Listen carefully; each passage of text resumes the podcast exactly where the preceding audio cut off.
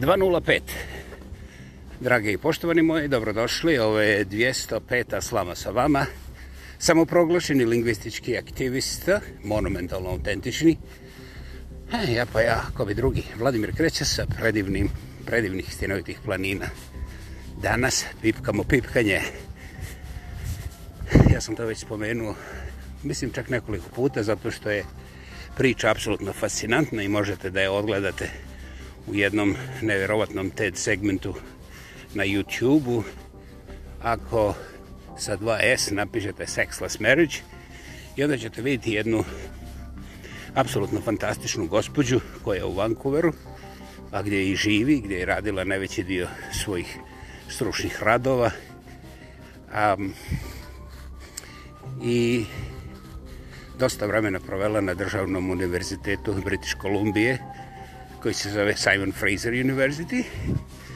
Dakle, taj njen TED speech je probio 30 miliona gledanja i možete slobodno reći meni da sam neobjektivan i da ne znam i tako dalje, jer ja naglašavam i dalje. Slama sa vama, nije stručni rad, nije ekonomska propaganda, nego je zabava uglavnom monološkog karaktera koju ja od, od milja zovem monolozi iz šume, to su gradske šume, u kojima, kao što vidite, ima i hitna pomoć. Nadam se da traže nekog, nekog drugog luđaka, ne mene. I u tome smislu, ukoliko vas doista zanimaju stvarne činjenice, stvarni podaci, 100%-ne činjenice i sve te tako znanstveno naučne stvari, znate, ja sam vrlo pogrešna adresa. Ono što ja govorim je ono što ja kao pojedinac vidim u svakodnevnom životu i to može biti ne samo pogrešno, nego totalno izvetopereno i ovaj neprilagođeno stvarnoj situaciji. Međutim, ja govorim o mome viđenju i mome uvjerenju i pritome onako, zahvaljujući iskustvu koje je duže od 15 godina, imam dobro, možda, možda sam mentalno na nivou čak i 40-godišnjaka, ali tijelo me je zeznulo pa je prekoračilo u sedmu deceniju i ovoga tu ne mogu da smislim ništa da skliznem odgovornosti recimo u neko mlađe tijelu što je bilo dosta dobro jer ovaj onda zglobovi imaju lijepe navike da se ne pojavljuju u tom životu, ono ne znaš da postoje. kad se toga sjetim, kad mogu, mislim, ono, nije baš da me uhoti svaki dan ovaj, nemam vremena. Dakle, pomenuta gospođa, e, opet kažem, YouTube, TED speeches, TED presentations, zaboravite opet i TED presentations, ja samo govorim zbog orijentacije, ali ako u YouTube search mašinu upisate sexless marriage, jedan od prvih a, e, klipova koji ćete vidjeti, malo duže 20 minuta, bit će upravo taj, i prepoznaćete ga po toj divnoj gospođi i, i broju pregleda koji je preko 30 miliona. Tu ćete saznati puno činjenica koje ja ne znam, nemam namjeru da saznam sve. Međutim, ja sam je pominjao u prethodnim podcastima ovdje, jer eh, ono što je meni bilo zanimljivo, kut nataliteta, državna politika i političke partije koje ne obraćaju pažnju na stvarnost intimnog života svojih konstituenata. Dobro, građan. Zaboravite ove marsovce kojima sam pomenuo malo čas. I, ovaj, naravno, nije se desilo ništa, niko ništa nije primijetio.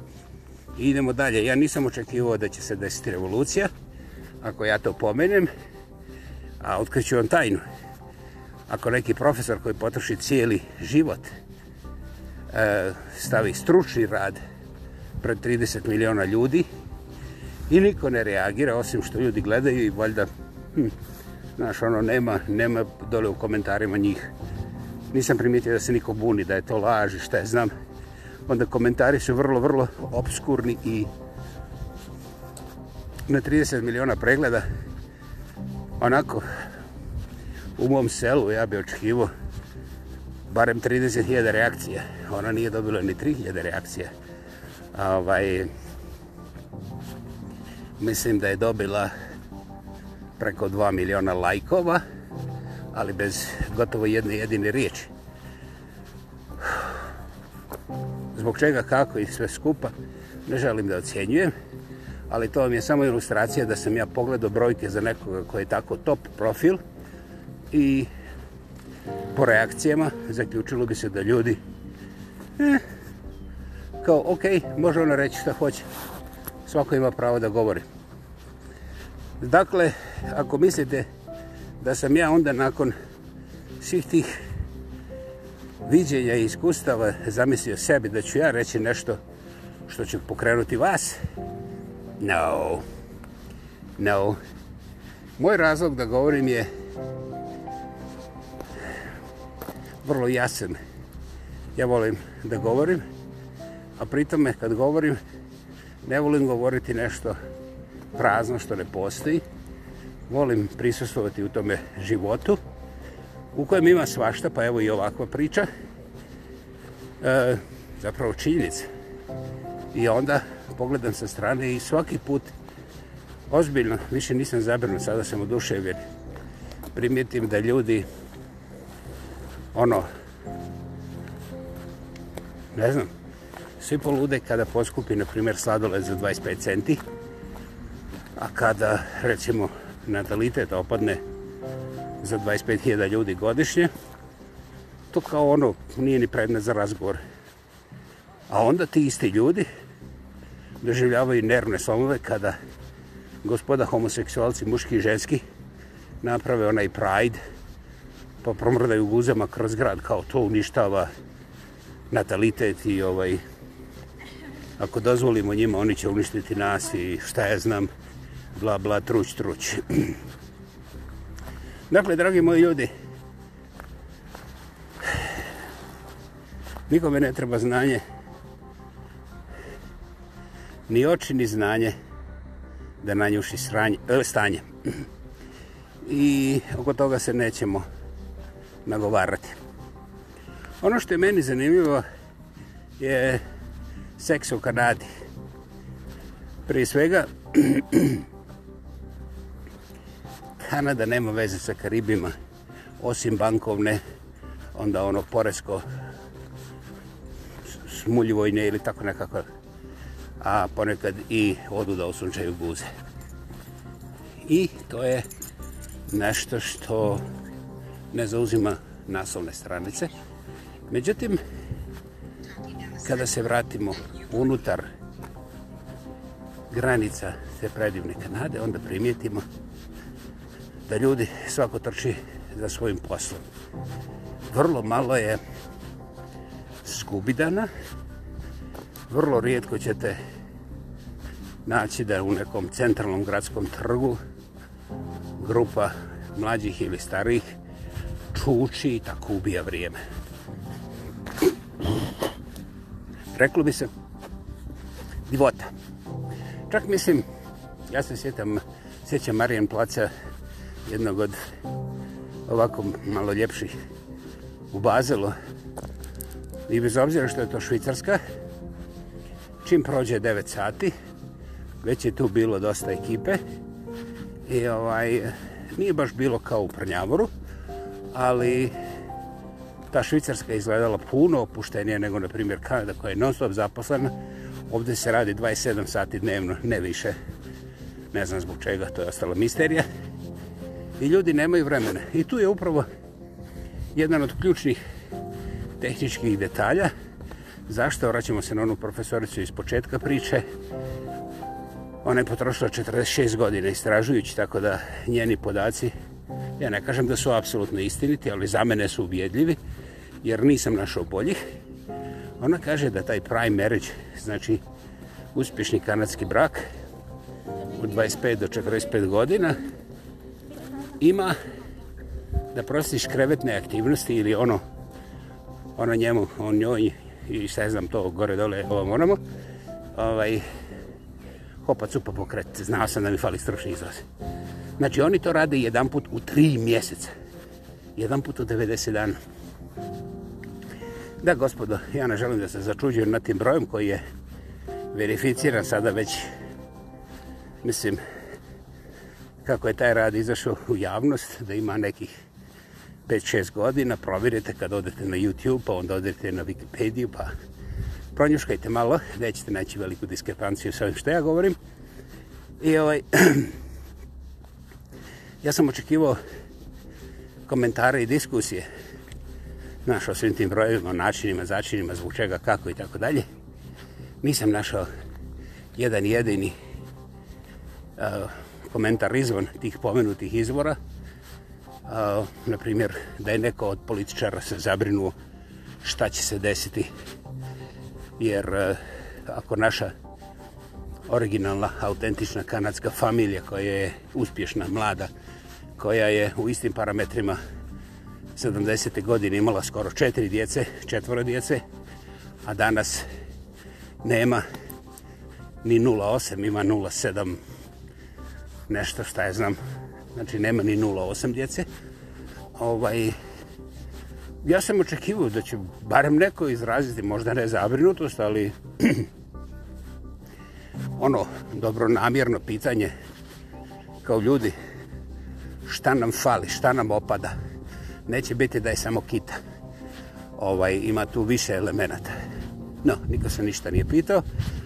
A ja sam razmišljajući o svemu tome, sišao iz kreveta, nekako, jer uvijek kada se o tome govori, kao regionalni muško banjesti, ja prvo skočim u krevet pa vidim šta se tamo dešava,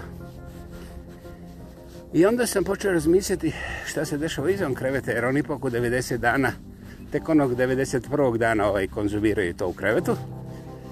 I onda sam primijetio da ako hoćeš biti ono što se zove uspješan, a postoji samo jedan način, a to je da slijepo i nepogovorno slijediš ono što tvoj šef traži od tebe. I svaki šef je Bog, i svaka kompanija je unikatna, bez obzira što se govori, ne znam, o nekakvoj modernoj demokraciji i ostatak bla, bla, bla, bla, bla, bla, bla. Naime, ako tvoj šef slučajno misli da ti žuriš da povigneš sa posla, dakle, ako u 5 sati, a došlo si ujutru sat vremena ranije i misliš da si nešto napravio za kompaniju, dok šef ima neki sasvim drugi plan i ti negdje u 10 do 5 pogledaš na sat, to može biti vrlo, vrlo jaka indikacija, ako šef vidi, da za vrlo kratko vrijeme nećeš pogledavati na sat od 10 do 5, jer on smatra da tvoja posvećenost kompaniji, prisutnost na poslu i naravno fokusiranost na kvalitetu rada pati i da on jadan plaća tebe previše jer ima tu neko ko će raditi do 5 i 10 i neće pomisliti da gleda na sat. Najuzbiljnije. Ja ne govorim o ljudima koji ne znaju obaviti svoj posao, ne žele ili su lijeni. Taj dio zaboravite slobodno. Ja govorim doista o kvalitetnim ljudima i ovaj tu postoji vrlo važna stvar. Ukoliko znate kad vas šef safata da gledate na sat, da to objasnite sa nekakvom brutalnošću tipa Šefe, baš sam gledao ovaj sat.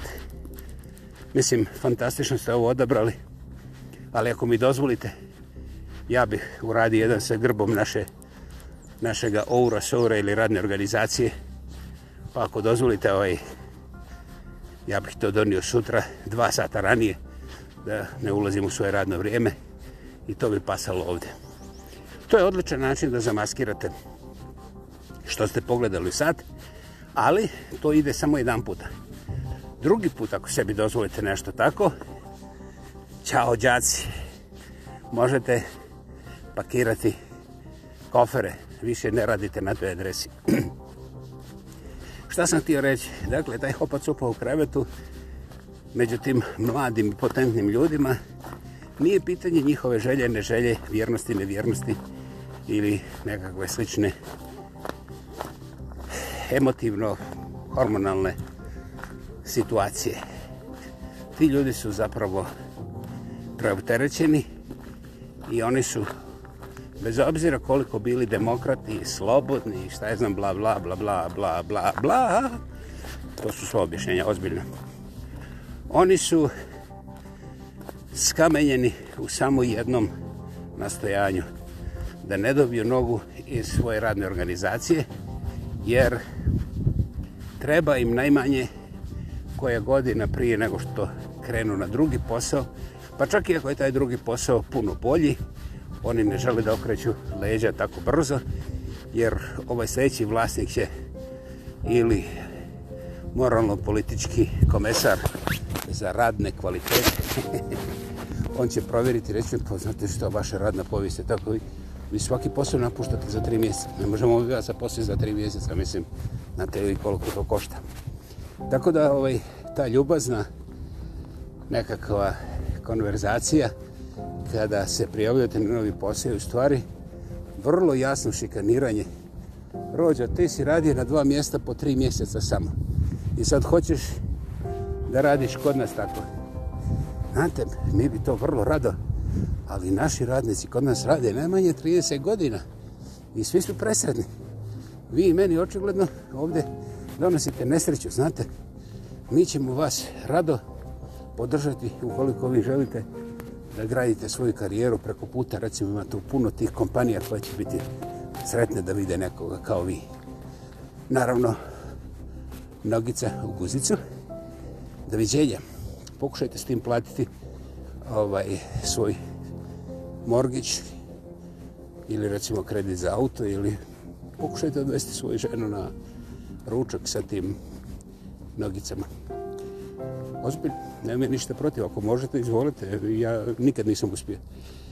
Dakle, ti mladi ljudi, ovaj, ukoliko im tata nije vlasnik IBM-a ili neke tako male organizacije, oni uh, se histerično smiju cijeli dan, oni su sretni, oni su puni energije i oni ovaj rade koliko god šef zamisli.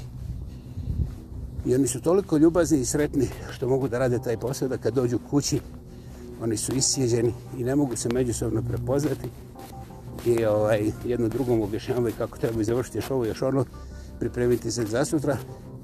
Tako da, uglavnom, posle medanog mjeseca, ti uspješni mladi kanadjani, oni više intimno ne primijete jedni druge do mislite godišnjeg odmora. ovaj, to je također jedna velika enigma. Ovaj, godišnji odmor, ako niste super, super uspješni, možete zaboraviti. Jer opet, taj godišnji odmor nije nije 3, 4, 5, 1, nego je znatno kraći dva tjedna maksimalno, ako uzmete dva tjedna i jedan dan, onda 20% te uspješne populacije ima šansu da ga taj posao ne dočeka, jer bio je neodložan posao, oni su morali zaposliti novih petorica na tvoje radno mjesto.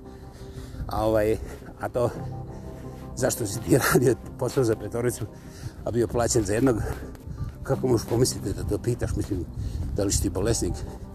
Ovaj, jer znaš ti šta ćemo mi tebi napisati ako odlaziš sa ovoga posla za sljedeći posao, jeli? jer ima onaj komesar za radnu povijest, pa ćete vidjeti šta ćete dobiti od nas kao referenciju. Dakle, Kanada uživa u jednom vrlo demokratskom feudalizmu koji nemilosrdno ovaj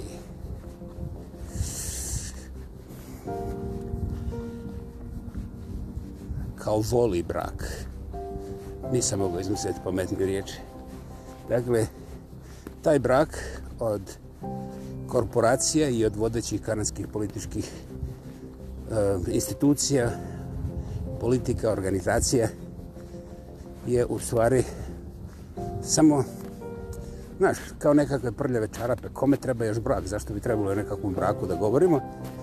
I ovaj, Ja to nakon svih tih godina razumijem jer, znate, ako svake godine uvezete pola Zagreba iz cijeloga svijeta, proberete šta vam treba, stvarno koji će vam vrak brak? I onda druga stvar, te koje ste uvezli, oni hoće također da se glože množe i tako dalje. I tu isto problem, treba ih zaposliti da ne rade to, te stvari po krevetu i druga stvar da ne obačaste naše, naše žene. I to je jedna priča o kojoj se naglas ne govori. Ja sam spomenuo ovu profesoricu koja je svjetski poznata, ali u Kanadi, ovdje, recimo u Kalgariju, kad sretnem se sa intelektualcima, oni kažu meni, kanadski intelektualci, ne ovi regionalni, oni mi kažu, po, po čemu ti sve čačkaš, zašto ti čačkaš? Ja kažem, pa tata mi je bio policajac, a ja sam bio špijun ili recimo onaj cinkaroš, pa onda čačkam okolo kako pošten svijet da opanjkam. Kaže, vidi, pa znaš što nije u Kanadi, mi u Kanadi ovdje cijenimo jedni drugi. Ja kažem, znam, ali mene ste uvezli, ja sam bofl i onda ja njuškam i šta ćeš? Evo, desilo se.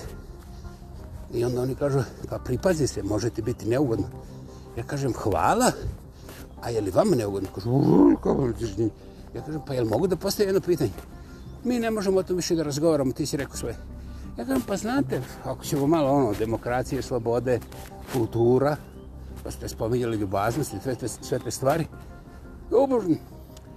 Pa, ako bih ja mogao da pitam samo jedno pitanje? Pa dobro, kad si već navalio. I onda ja kažem, lijepi moji. To sve o čemu ja govorim, to se vas, jel te, ne tiče. Kaže, ne, to su privatne stvari. Ja gledam ljude onako ljubazno i upravo ovaj ton, znaš, jer oni od tebe naprave Godzilla, ne brini. Ako kažeš jednu riječ koju oni ne žele da čuju, ti postoješ Godzilla, Godzilla iznosi ne more broj četiri. dakle, nema ovdje diskriminacije. No, nego, slušaj, ti si divljak, brate. Ko bi s tobom mogao razgovarati? Naravno, oni ne kažu te riječi. To ne, to, to. Onda bi ispalo da, da, da, da oni stvarno tako i misle. Ne, ne, ne. Nego oni iskolače oči, prestanu da dišu i onda se brzo skupe, ljubazno se nasmiješe i kažu, O, oh, interesting, okrenu leđa i odu za uvijek. Ozbiljno, najozbiljnije. Ako slučajno te ljude srednete u blizinu nekog mjesta gdje vi... Joj, evo, to je to. Gdje vi nešto prodajete ili želite da se zaposlite, zaboravite, neće se desiti. Oni vrlo dobro, ne, oni se ne svete, neće oni ništa reći. No, međutim, vi ste došli u njihovu zonu i oni će se potruditi da u toj zoni ne samo ne ostane, nego da isparite vrlo, vrlo brzo. I to su nevidljivi mehanizmi o kojima ja ovaj put neću govoriti. Dakle, toliko o tom bračnom seksu. Malo sam zagrebo, ali kad izađete na ulicu, onda morate da vodite računa da ne zablejte, to jest da ne pogledate ni jednu jedinu bluzu jer ovaj može se desiti da su te bluze jeli kako bih rekao kraće i ovaj šta znam dakle zaboravite nekakvo pogledavanje na ulici ono što je tehnička činjenica je je da jedan dobar dio tih individua, e, svih uh, e, spolova, kada ih vidite na ulici, izgledaju oprlično jednako. Ono, imate bure, burence, onda, šta ja znam, čabar, dabar. Mislim, ljudi nemaju puno ovaj vremena da se muče sa tim nekakvim estetikama, i onda znaš 100 do 150 kila ovaj jedinke su tu na svakom koraku ali ne šeću se puno ovim glavnim džadama ne znam zbog čega izgleda da je, da je lakše sa autom se vozati ovaj od WC-a do sladoleda i ovaj tako da nemate puno izazova što je dobro međutim barem u zapadnoj Kanadi posebno ovdje u Alberti Eh, žene imaju apsolutno nevjerovatnu zakonsku poziciju gdje, na primjer, ako ste se vi našli u liftu sa nekakvom drugaricom i ovaj ona izađe i za, na, za vas dođe policija nakon pola sata i optuže vas ne, sexual harassment, zadržimo se na tome. E, ne postoji način da objasnite ništa, a ako se slučajno iznervirate i kažete ljudi pa imaju dvije kamere u tome liftu, to nije lift, uće Nifi Pere Petića tamo, uće na u ovome če, če, čekrčićima ili čepićima, pa šta je znam. Onda, onda i oni mogu biti neugodni. Dakle,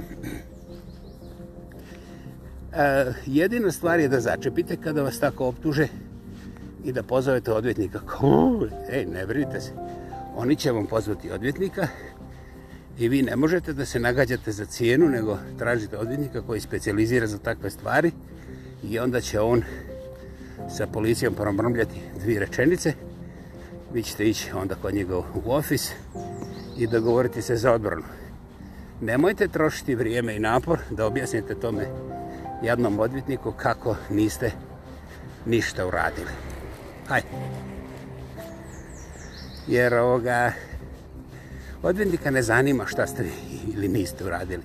On vrlo najzbiljniji.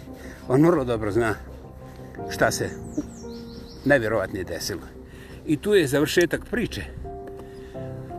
Ono što vi trebate da radite je da se spašavate iz toga lonca koji je prilično vruć i koji je prilično skup i odvjetnik je Saloma da uradi upravo to. Dakle, nije pitanje da li ćete vi biti kažnjeni, nego je pitanje koliko će to sve koštati.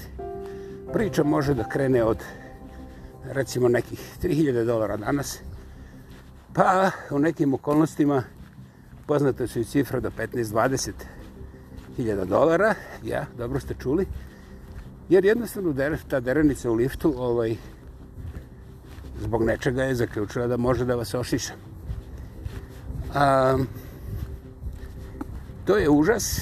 Ja sam bio u sličnoj situaciji a, prije 25 godina i samo zahvaljujući Heleni izvukao sam se i od tada živim sa stravičnim strahom. Recimo, u 25 godina u ovoj provinciji u kojoj ja živim ja ni slučajno nikada nisam ušao u lift ako je tamo ženska. Nikada. Jer da li to rade sve ženske? Definitivno ne rade. Koje radi? Nisam našao naljepnicu sa upustom na njihovim čelu, a ni na ostalim dijelome tijela, niti sam je tražio. Dakle, ne želim nagađati. Da li se ovo dešava svaki dan po stotinu puta?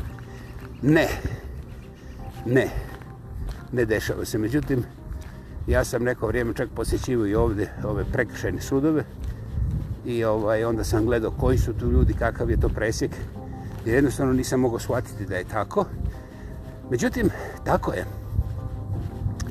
Dakle, ovaj, gospođa koja nije prijavljena za prevaru, iako vi ne možete dokazati tu prevaru, njoj zafali 3 do 5 tisuća dolara, ona jednostavno nađe jednika, i postavi se u situaciji gdje nema nikoga da bi mogao svjedočiti ovako ili onako i odmah zove policiju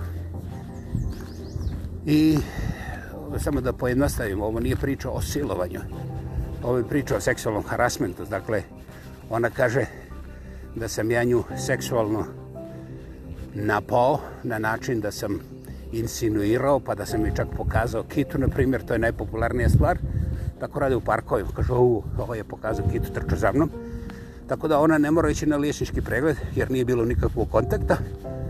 Ali jebeš ga. Eto vidiš šta se desilo.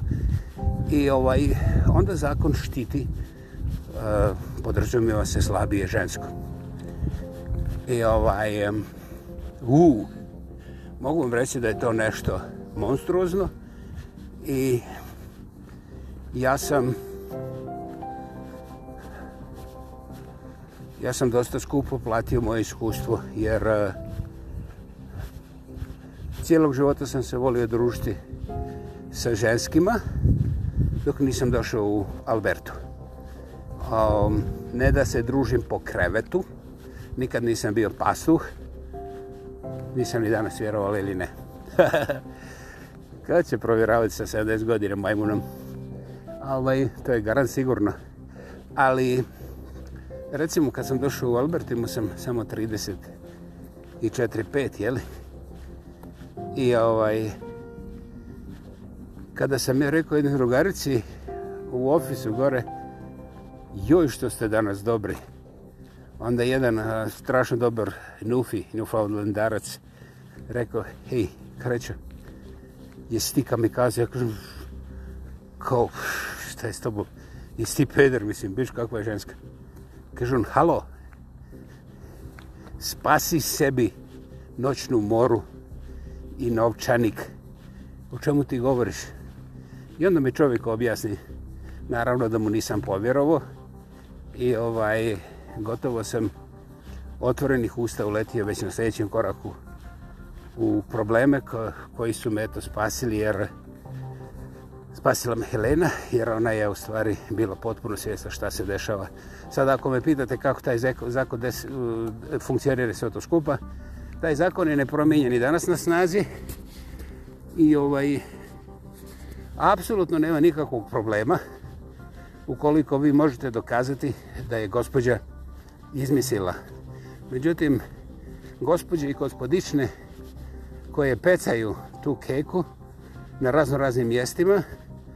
One su apsolutni eksperti i vrlo mali broj, ja mislim da se negdje kreće ispod 1% onih koji dokažu da su te gospođe njih prevarile i da su ih navukle, jer to je vrlo skup i dugačak proces koji se ne isplati. A ako pitate kako ona zna da ja u džepu imam recimo tih minimalnih 3000 dolara, znate, ona to ne mora znati. Jer država ganja vas za taj novac, a ona se isplati iz tih sudskih fondova, ja ne znam precizno kojih, to me ne zanima. Dakle, ako mislite da nemate para, da nećete to nikada platiti, ne brinite, ja vam garantiram životom da hoćete. Dakle, nemojte istraživati, to je jedna stvar. Danas, ovaj, kada pogledam malo bolje, uh, Jeste, malo je okljaštreno, vidjeli ste ovo sa natalitetom, vidjeli ste ovo sa ponašanjem. Ovaj, ja ne želim znati kakav je seksualni život u Kanadi. Bogu hvala. Ovaj, I ja mislim da su svi sretni jer imaju ove svoje seksualne slobode i tako dalje. To je predivno i to je najvažnija stvar. Samo ne donosi blizu mene. Vrlo jednostavno. Ono što se umeđu vremenu promijenilo kod mene je da ukoliko te seksualne verbalne insinuacije ili recimo taj takozvani flashing, ono kada izvučeš kitu da pokažeš ovome, ne titu, nego da pokažeš tu i tamo ovima koji nisu tražili od vas da im pokažete. Ali ovaj, ja smatram da zakon gotovo da nije mogao bolje da uradi jer Znaš, kako dokazati da budala nije izvukla kitu u parku pred, šta je znam, djecom, bakama i tako dalje. Ja ne vidim taj dokazni postupak koji bi bio 100% siguran. Dakle, zakon podrazumijeva da treba biti vrlo oštar čak i na pomisa od toga, pa onda sasvim svjesno zakon kažnjava i barem 40% potpuno nevinih ljudi, potpuno pristojnih ljudi, potpuno normalnih ljudi, paša moj. I ovaj, ja ne vidim na drugi način kako bi Kanada mogla da osigura na ovako ogromnom prostoru a, sigurnost slabijih. Da li je jedna baba koja onome lift smisli da joj treba novaca, da li je ona slabija, Znate, to je bespredmetno. To je apsolutno bespredmetno. Ona zloupotrebljava nešto u zakonu što pozna dobro i protiv toga vi ne možete ništa osim da imate dobrog odvjetnika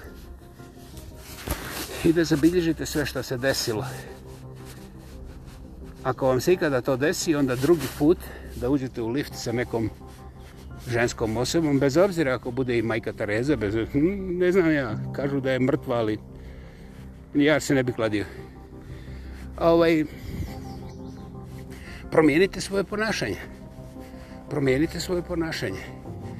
Jer eh, drugog načina nema. Eh, ja sam, a vjerujem da nisam jedini među muškima, svim srcem za taj zakon, zbog toga što taj zakon prije nego što mu priđete upozorava da vi zapravo nemate šta ni prići, ni reći ženskoj osobi, niti biti blizu te osobe u situaciji kad nema nikoga okolo.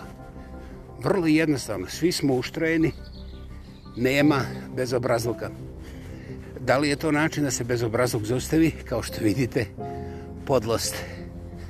Bezobrazluk uvijek nađe široku stazu, highway, to hell i kako će ovo ići dalje ja ne znam ali ovo je jedan sociološki kancer koji je tu kao nekakva praktična nužnost i ko sam ja da kažem da to nije nužno međutim to se oslikava na emotivni intelektualni i intimni život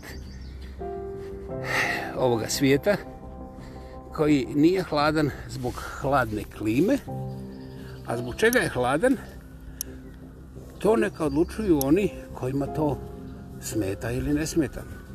Naime, ja nisam dovoljno kvalificiran da znam, saznam i onda pregledim sve. To jednostavno nije moja pozicija. Dakle, dragi moji, Sada ste dobili jedan uvid u taj intimni dio priče gdje svi na jednog liče, a pritome govore o slobodama i demokracijama. Divota. Još jedan pojen za moj feudalizam koji ja stvarno volim i nadam se da će doći preko noći. Bila je ovo 205. slama sa vama kao i uvijek prije ja pa ja, a ko bi drugi, Vladimir kreće sa predivnih, istinski predivnih stjenovitih planina u jednom zelenom majskom danu kada napokon počinje da behara ovaj ozbiljno, počinje da behara, ne, nije snijeg, iako ga ima na vrhovima okolima, ali i behara. Dakle, kao i uvijek prije, hvala što ste bili ovdje sa mnom, čujemo se prije nego što se vidimo, sretno, veselo i beričetno. Ćao!